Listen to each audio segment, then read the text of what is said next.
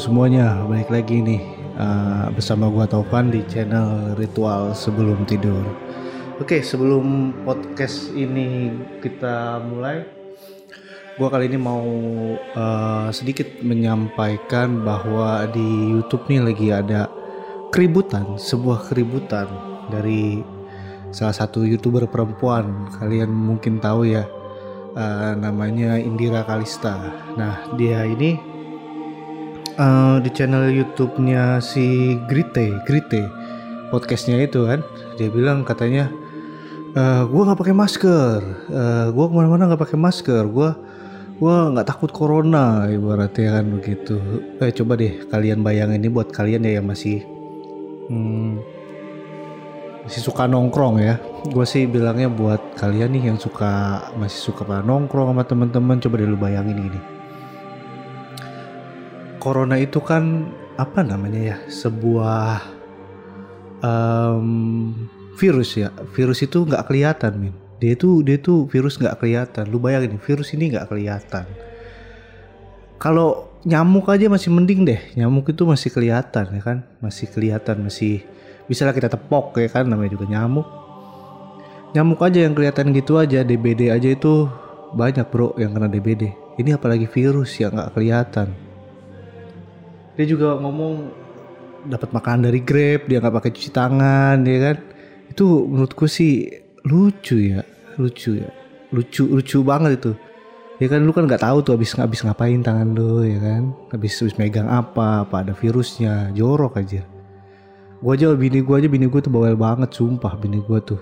Suruh cuci tangan lah mau ngapain cuci tangan. Emang gua juga sebelumnya nggak terbiasa sekarang jadi jadi aware gua jadi maksudnya jadi sedikit waspada soal virus ini kan? Karena gue ngebayangin gini coba kalau gue kan punya anak ya coba kalau anggaplah deh anggaplah kalian tuh belum punya anak belum punya anak ya kan? Kalian kena virus meninggal saat itu ya kan? Sesak napas meninggal. Dari pas sakit aja kalian itu udah nggak ada loh yang mau apa namanya nggak diperbolehkan buat jenguk. Jenguk aja nggak boleh terus kalian tuh sudah pasti akan kena pemakaman tuh prosedurnya covid. Ya kan? Diplastikin. Men diplastikin. Plastikin satu satu lapis. Habis itu pakai plastik inian. Plastik jenazah. Ya kan? Nggak ada yang bisa nyolatin nggak ada yang bisa ngeliat. Coba tuh lu bayangin. Lu meninggal dalam keadaan sendiri nggak ada siapa-siapa. Udah lu bayangin itu aja deh kalau soal corona ya ini buat yang lagi nongkrong ya yang suka nongkrong rame-rame ya. Kalau buat kerja sih ya gue kerja masih nggak masalah lah kalau kerja. Yang penting kalian tuh cuci, tangan pakai masker jaga jarak. Kerja juga kan sekarang rata-rata orang sip-sipan ya kan?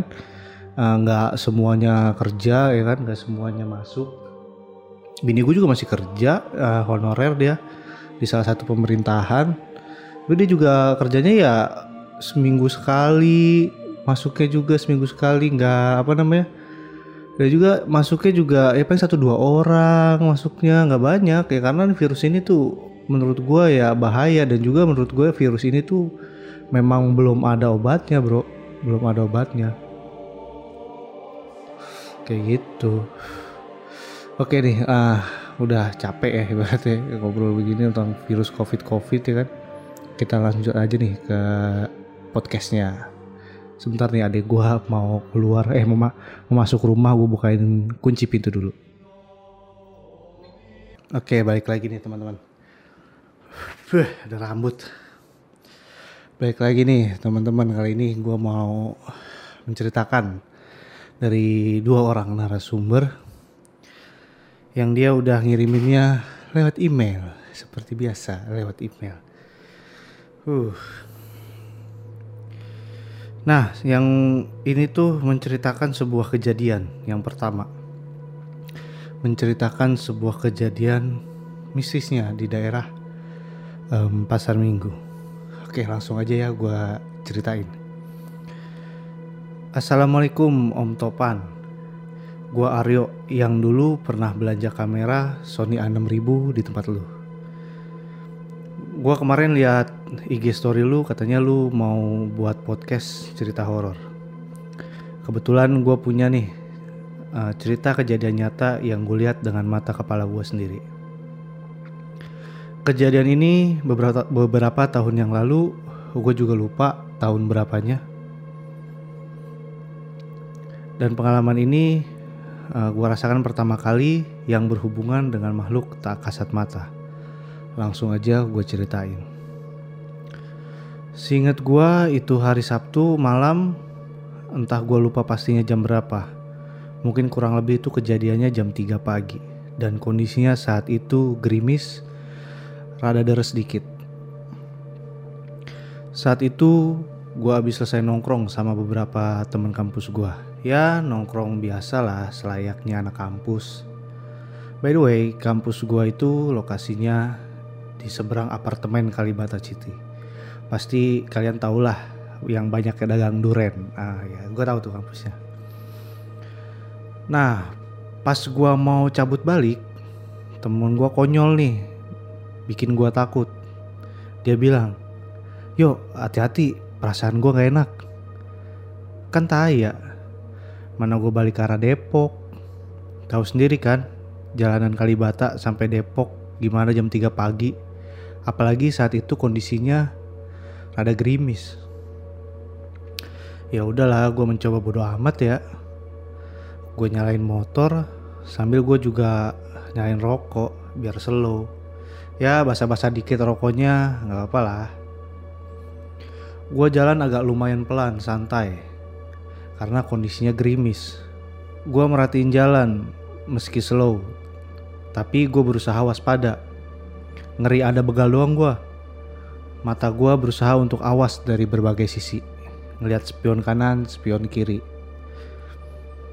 Pas gue lagi fokus-fokusnya di jalan, gue lihat di depan gue ada bapak-bapak tuh naik motor. Motornya motor bebek. Tapi gue nggak nge mereknya, yang ngapain juga diperhatiin ya kan. Gue perhatiin rantai motornya tuh udah kendor, bunyi gitu. Gue rada fokus sama suara tuh rantai karena bersik banget. Pertak, pertak, dalam hati buset dah tuh motor nggak pernah diservis apa ya? Posisi bapak itu di depan gua persis. Nah kan kalau ke arah Depok di dekat pasar minggu itu kan ada tuh underpass yang turunan terus agak nikung belok ke kanan kan. Gua tahu kondisi gerimis gini ngeri licin karena gua tahu itu bukan aspal tapi beton pas gue lagi pelan-pelan gue inget banget disalip sama pasangan suami istri bawa belanjaan sayur. Jadi itu tumpukan sayur posisinya di depan, di bawah stang. Ya gue cuek aja. Pas turunan mau masuk terowongan, ya pastilah mata gue langsung fokus kan ke terowongan.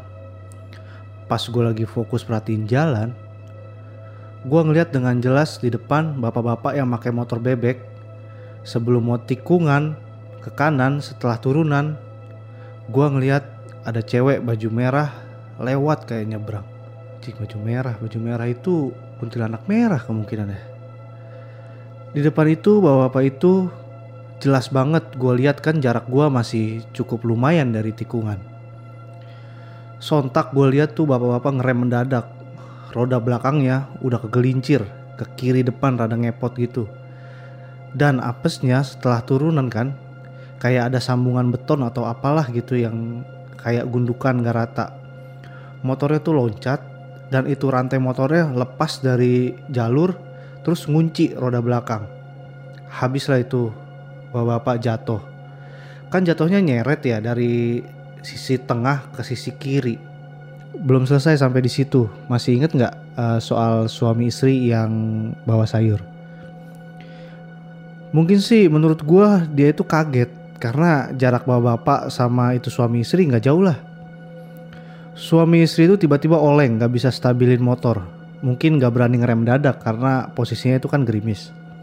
Akhirnya dihantamlah motor beserta bapak-bapak itu. Oh jadi uh, apa namanya suami istri itu nabrak bapak-bapak itu yang jatuh ya. Jatuhlah suami istri itu hantamannya ya nggak kenceng-kenceng banget sih tapi ya berasa juga. Gue berhenti tuh minggir dulu gue bantuin dulu itu ibu-ibu gue udah nggak mikirin apa-apa lagi. Ibu-ibu dulu deh yang gue tamain. Pas gue samperin gue bantu bangunin tuh suami istri. Kalau bapak yang sendiri sih udah bisa minggir dia eh, jalan sendiri bertiga nih kita duduk di pinggiran masing-masing di dalam underpass sebelum tanjakan. Ibu-ibu tuh ngeluh. Sakit perut aku sambil nangis-nangis. Pas gue perhatiin kayaknya itu ibu-ibu lagi hamil. Sambil kesakitan juga itu suaminya. Selonjorin kakinya selonjorin. Udah ibu tenang tenang. Gue bilang begitu. Suaminya tuh kayak gerutu. Ngomongnya begini kan tadi udah aku bilang jangan ikut belanja bahaya. Kan lagi hamil gini ngundang. Oh maksudnya ngundang hal-hal ini ya uh, setan kali ya. Rame tuh orang-orang pada ngerubung kan ada yang berhenti ada yang biasa aja. Ada apa ada apa? Karena udah rame ya udah gue tinggal aja langsung.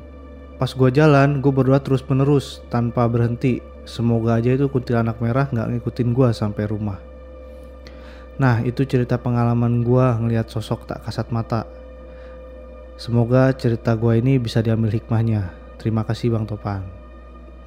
Hmm jadi uh, si Aryo ini tuh ngelihat apa namanya kuntilanak merah itu nyebrang di depan itu bapak yang ratenya copot ya. Iya kaget. Ya sih gue gue kan juga punya bengkel ya daerah situ ya. Emang ada bengkel gue dari situ. Emang sih kalau kalau pas turunan itu pas lagi apa namanya sebelum stasiun pasar minggu kalau nggak salah emang itu jalannya beton tikungan ke kanan memang agak agak lumayan lumayan dalam sih maksudnya Iya tuh memang licin sih kalau hujan tuh di arah situ. Tapi gue sih belum pernah ya namanya alhamdulillah ya di ditongolin kuntilanak merah anjir. Tapi kalau coba kalau kalian daerah Pasar Minggu apa bener ada ada apa namanya kuntilanak merah itu ya? Anjir iya sih kalau nah pas istri gue hamil juga begitu memang nggak boleh keluar malam karena memang wangi katanya gitu mengundang mengundang apa hantu-hantu atau setan-setan kan pada seneng gitu kan sama bau-bau ibu hamil. Nah itu jadi ya mungkin ini pesannya kalau lagi hamil tuh malam-malam jangan ke mana-mana lah di rumah aja cukup. Oke, uh, ini ada lagi nih cerita kedua kita lanjut aja nih. Dari Mas Agus. Selamat malam podcast ritual sebelum tidur. Perkenalkan nama saya Agus. Saya mau cerita ini pengalaman bapak saya di rumah kontrakan saya yang lama. Kejadian kejadian ini kurang lebih sekitar tahun 2016, 4 tahun yang lalu lah kira-kira. Bapak saya ini kan sehari-hari jualan ayam potong di pasar. Bapak saya pulang ke rumah sehabis dagang itu biasanya jam 9 malam, paling maksimal. Biasanya uang hasil dagangan bapak itu selalu dia hitung dan disimpan di dalam laci lemari baju yang terkunci. Dan kuncinya selalu bapak saya simpan di tempat khusus dan saya pun gak tahu di mana naroknya. Itu kunci. Nah beberapa kali kejadian saat bapak saya pengen belanja ayam ke supplier, saat dia hitung kok duitnya kurang, duitnya itu kadang kurang sekitaran 300 ribu, 200 ribu, 100 ribu. Sempat marah kan? Dia nanya tuh sama ibu saya. Kata ibu saya, enggak nggak pernah ambil. Saya dan kakak saya juga ikutan ditanya. Ya kita jawab, enggak aku nggak pernah ambil. Aku juga nggak tahu kuncinya di mana. Kan bapak sendiri yang selalu ngumpetin. Ya memang sih dulu saya pernah ngambil uang bapak buat main ke warnet. Cuma itu dulu banget waktu kecil. Saya nyeletuk tuh, tuyul kali yang ngambil. Kata bapak, saya, masa sih ada tuyul zaman sekarang. Akhirnya bapak coba pindahin tuh tempat naruh kunci. Seminggu berlalu, uang aman. Nggak ada yang hilang sepeser pun. Tenang deh, akhirnya nggak ditanya-tanya lagi. Tapi minggu depannya kejadiannya hilang lagi uangnya. Tapi dikit-dikit. Cuma 50 ribu, 100 ribu. Kata bapak, eh tekor juga anjir. 50 ribu, eh 50 ribu, 100 ribu. Kata bapak, wah nggak beres nih. Ditugu, dituduh lagi lah kita berdua, saya dan kakak saya. Lalu bapak saya cerita, ternyata keesokan harinya tanpa pengetahuan saya dan kakak saya, laci itu ditandain sama bapak dengan spidol hitam. Antara laci dengan pinggiran lemari dikasih garis tipis dan ditaruhlah uang 400 ribu. Kebetulan itu laci memang udah lumayan oblak goyang, jadi udah nggak presisi. Kalau di, udah dibuka tutup, oh jadi agak ngoblak gitu ya. Atas bawah biasa sih ngoblak itu. Bapak saya diemin dua hari nggak dibuka-buka itu laci. Bapak pun bilang ke ibu untuk jangan buka laci itu dulu. Uang hasil dagangan bapak saya dua hari itu dikantongin di bawah tidur. Anjir. Takut hilang banget ya. Ya iyalah tekor pak dua hari berlalu malamnya bapak saya cek Ternyata garisnya masih lurus. Wah, lurus nih. Bapak pikir aman nih uang nih, duit nih. Pas dibuka dan dihitung, eh hilang lagi 100 ribu. Anjir, tekor udah berapa tuh hilang.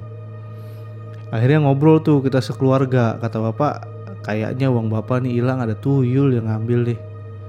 Kakak saya bilang, ya udah bapak coba tanya-tanya aja sama teman-teman di pasar. Mungkin yang ada yang pernah nih ngalamin kejadian kayak gini. Tanya-tanya-tanya ada nih teman bapak saya uh, pedagang juga tukang sayur. Pernah hilang duitnya. Begitu juga ditanya kronologinya dan tanya solusinya gimana dia sih bilang panggil orang pinter ke rumah. Tapi sebelum itu katanya tes dulu apa bener itu tuyul yang ngambil jangan-jangan orang rumah lagi yang ngambil. Bapak saya tanya ngetesnya tuh gimana? Cara tesnya tuh gini siapin aja baskom sama ikan dan cermin kecil taruh aja di sebelah tempat nyimpen uang. Malam itu bapak saya coba. Kebetulan ada saya kakak saya dan ibu saya. Penasaran nih bapak saya belikan cupang tuh sama baskom dan cermin. Ditaruh di sebelah tempat nyimpennya. Bapak semalaman gak tidur. Dia jadi satpam ngawasin kita. Kita berempat di ruang tamu tidurnya. Seharian bapak ngawasin kita sampai dia gak dagang. Mengawasi jangan sampai ada yang masuk ke kamar. Setelah semalam hari lah atau sehari semalam sebut aja gitu malam sekitar jam 12-an rame-rame nih kita lihat ke kamar. Ternyata di laci itu udah basah. Kayak ada yang abis mainin dan cerminnya posisinya udah jatuh. Wih, merinding. Malahan pas kita lihat itu air dalam baskom masih muter. Dan ikan cupangnya juga udah teler abis kayak abis di kobok-kobok gitu baskom. Semua kaget dong oh iya bener. Ada tuyul nih kayaknya nih. Oh iya soalnya kan merinding. Uh, uh, iya kan soalnya anak-anak semua di ruang depan ya. Sorenya bapak nanya lagi tuh ke temennya cerita. Iya bener tuyul. Soalnya bla bla bla bla diceritain tuh sama bapak. Bapak nanya lagi ke temennya. Itu sama orang pintar akhirnya digimanain kata temen bapak telepon aja nih orang pinternya nanti dikasih tahu caranya sama dia. Akhirnya ditelepon sama bapak orang pinter itu setelah cerita kejadiannya dan apa yang udah kita lakuin katanya siapin oh katanya disuruh siapin rambut yang lurus 10 helai taruh dalam laci yang berisi uang. Nanti saya akan bantu doa dari rumah. Tunggu seminggu dan setiap pagi dicek kalau rambut itu masih keadaan lurus berarti nggak ada tuyul yang mampir. Kalau rambut udah menggumpal berarti ada tuyul yang keperangkap. Kalau rambut membulat langsung tutup lacinya cepet-cepet dan saya akan ke situ. Oh gitu jadi jadi ditaro itu ya ditaro rambut. Bisa gitu ya? Sehari aman, dua hari aman, Ternyata hari ketiga itu rambut udah membulat. Sama bapak saya langsung ditutup buru-buru. Telepon itu orang pintar. Katanya malam jam 12 nanti saya ke situ. Kita tunggu rame-rame. Dan pada akhirnya jam 12 uh, orang pinter itu nyampe ke rumah. Dia masuk ke kamar sambil megang botol beling. Nah, aku paham nih kalau megang botol beling. Masuk ke kamar, kamar ditutup, dia sendirian, lampu tuh digelapin. Kita pun nunggu di ruang tamu. Kedengeran kan suara orang pinter tuh komat kami sekitar setengah jam. Kita semua akhirnya dipanggil. Katanya gini, nih udah ketangkep tuyulnya dalam botol. Kata kakak gue tuh, mana nggak kelihatan. Nah, kata orang pinter gini, mau lihat? Wih tantangin nih, seru nih. Gini. Jawab kata kakak saya, mau dong mau mau. Nah, akhirnya kata tuh orang pinter tutup mata. Orang pinter cuma uh, apa namanya naruh jempolnya, eh naruh jempolnya di jidat dan di antara alis cuma diusap dan dia nyebut buka. Dibukalah tuh mata batin kakak saya. Udah buka mata aja pelan-pelan. Saat kakak saat kakak saya buka mata, shock dia langsung. Ada kali cuma 10 detik langsung minta tutup lagi tuh ketakutan. Bapak sama ibu gue juga penasaran kan? Kita tanya, lihat apa, lihat apa? Kata kakak saya, botak, ini. Ada rambutnya dikit, perutnya buncit. Kakinya tapi aneh di tangan. Hah? kaki di tangan tangan di kaki kayak kebalik gitu rahang mulutnya menganga berdarah-darah. Terus saya malah ditawarin kan sama orang pinternya mau lihat nggak? Saya jawab ogah makasih bang. Ngeri lah gua. Ya udah tuh akhirnya rumah dikasih pagar gaib gitu sama dia. Alhamdulillah nggak ada sampai nggak ada apa-apa sampai sekarang. Setiap lebaran saya dan keluarga juga selalu silaturahmi sama orang pintar itu. Dan dia juga terkadang ke rumah buat ngecek rumah, liatin rumah. Dan alhamdulillahnya lagi dia juga nggak minta apa-apa, kita kasih uang ke dia nolak. Bahkan rokok pun kita kasih dia nolak. Gitu aja ceritanya ya bang, mohon maaf kalau kurang serem. Semoga dapat diambil pelajaran. Wih anjir. Tuyul ya masih ada apa bang tuyul tuh? Taruh rambut ya rambut kalau rambutnya apa menggumpal tuh bulat itu udah kena ya berarti katanya tapi gue masih heran bisa gitu ya dimasukin botol. Tapi ini kakaknya ngeliat ya botak. Yang gue bingung tuh kaki di kepala kepala di kaki. Apa jangan-jangan setiap penglihatan orang tuh beda-beda ya? Ada tuyul kan bilangnya botak larinya cepet. Yang kita tahu ya pakai kolor gitu kan. Nah gue nggak pernah lihat jadi gue juga nggak tahu ya kan. Tapi ini kebalik ya arah hangnya tuh nggak. Berarti serem juga ya anjir anjir. Ih. Ya kalau gue sih kalau yang kayak gitu-gituan ya percaya yang kayak gitu-gituan. Cuma karena belum pernah ngalamin jadi makanya gue bikin podcast ini. Jadi gue biar tahu ceritanya itu kayak gimana gitu kan pengalaman orang-orang. Anjing duitnya habis loh, hilang.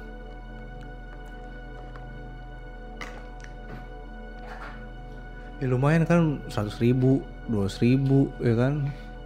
Hilang capek-capek kerja. Atau bisa jadi itu eh tapi iya bisa jadi itu tuyul pesugihan ya. Tuyul pesugihan. Tapi kenapa dia ngambil duitnya dikit-dikit ya? Kenapa nggak langsung 400 gitu ya 500 juta gitu? Kenapa ngambil duitnya dikit-dikit ya? Terus sih kadang gue masih suka bingung ya soal ngambil-ngambil duit yang dikit-dikit gitu ya. Kenapa nggak banyak gitu langsung ya? Apa takut ketahuan? Apa emang peraturannya begitu? Gue juga nggak tahu sih. Tapi ada ya masih ya tuyul-tuyul gitu melihara tuyul. Kalau dulu kan biasanya kan kalau tuyul gitu kan kalau orang melihara tuyul tuh jalannya tuh bongkok kayak megang apa namanya kayak orang lagi gendong gitu tangannya di belakang gitu ya. Wah gila. Ya udahlah gitu aja terima kasih nih buat um, Aryo dan Agus yang udah ngebagiin kisah ceritanya buat teman-teman kalau yang mau dengar cerita saya lainnya bisa langsung aja ke YouTube ritual sebelum tidur kemarin gue habis uh, podcast bareng narasumber uh, gue hadirkan langsung uh, tentang kisah-kisah yang dia alami dan keluarganya yang udah dia alami. Kalian bisa tonton di channel YouTube Ritual Sebelum Tidur. Oke, buat teman-teman yang mau ngirimin cerita bisa kirimin aja lewat email, uh, Instagram, uh, atau juga lewat Instagram dagangan saya juga bisa. Emailnya itu ritual sebelum tidur at gmail.com dan juga uh, IG-nya sama at ritual sebelum tidur atau IG dagangan gue nih buat customer gue yang lihat yang punya yang punya cerita-cerita horornya bisa kalian kirim di jual beli kamera bekas underscore com. Oke, terima kasih gitu aja. Terima kasih buat yang mendengarkan, buat para uh, pelaku ritual sebelum tidur. Terima kasih sudah mendengarkan. Bye bye.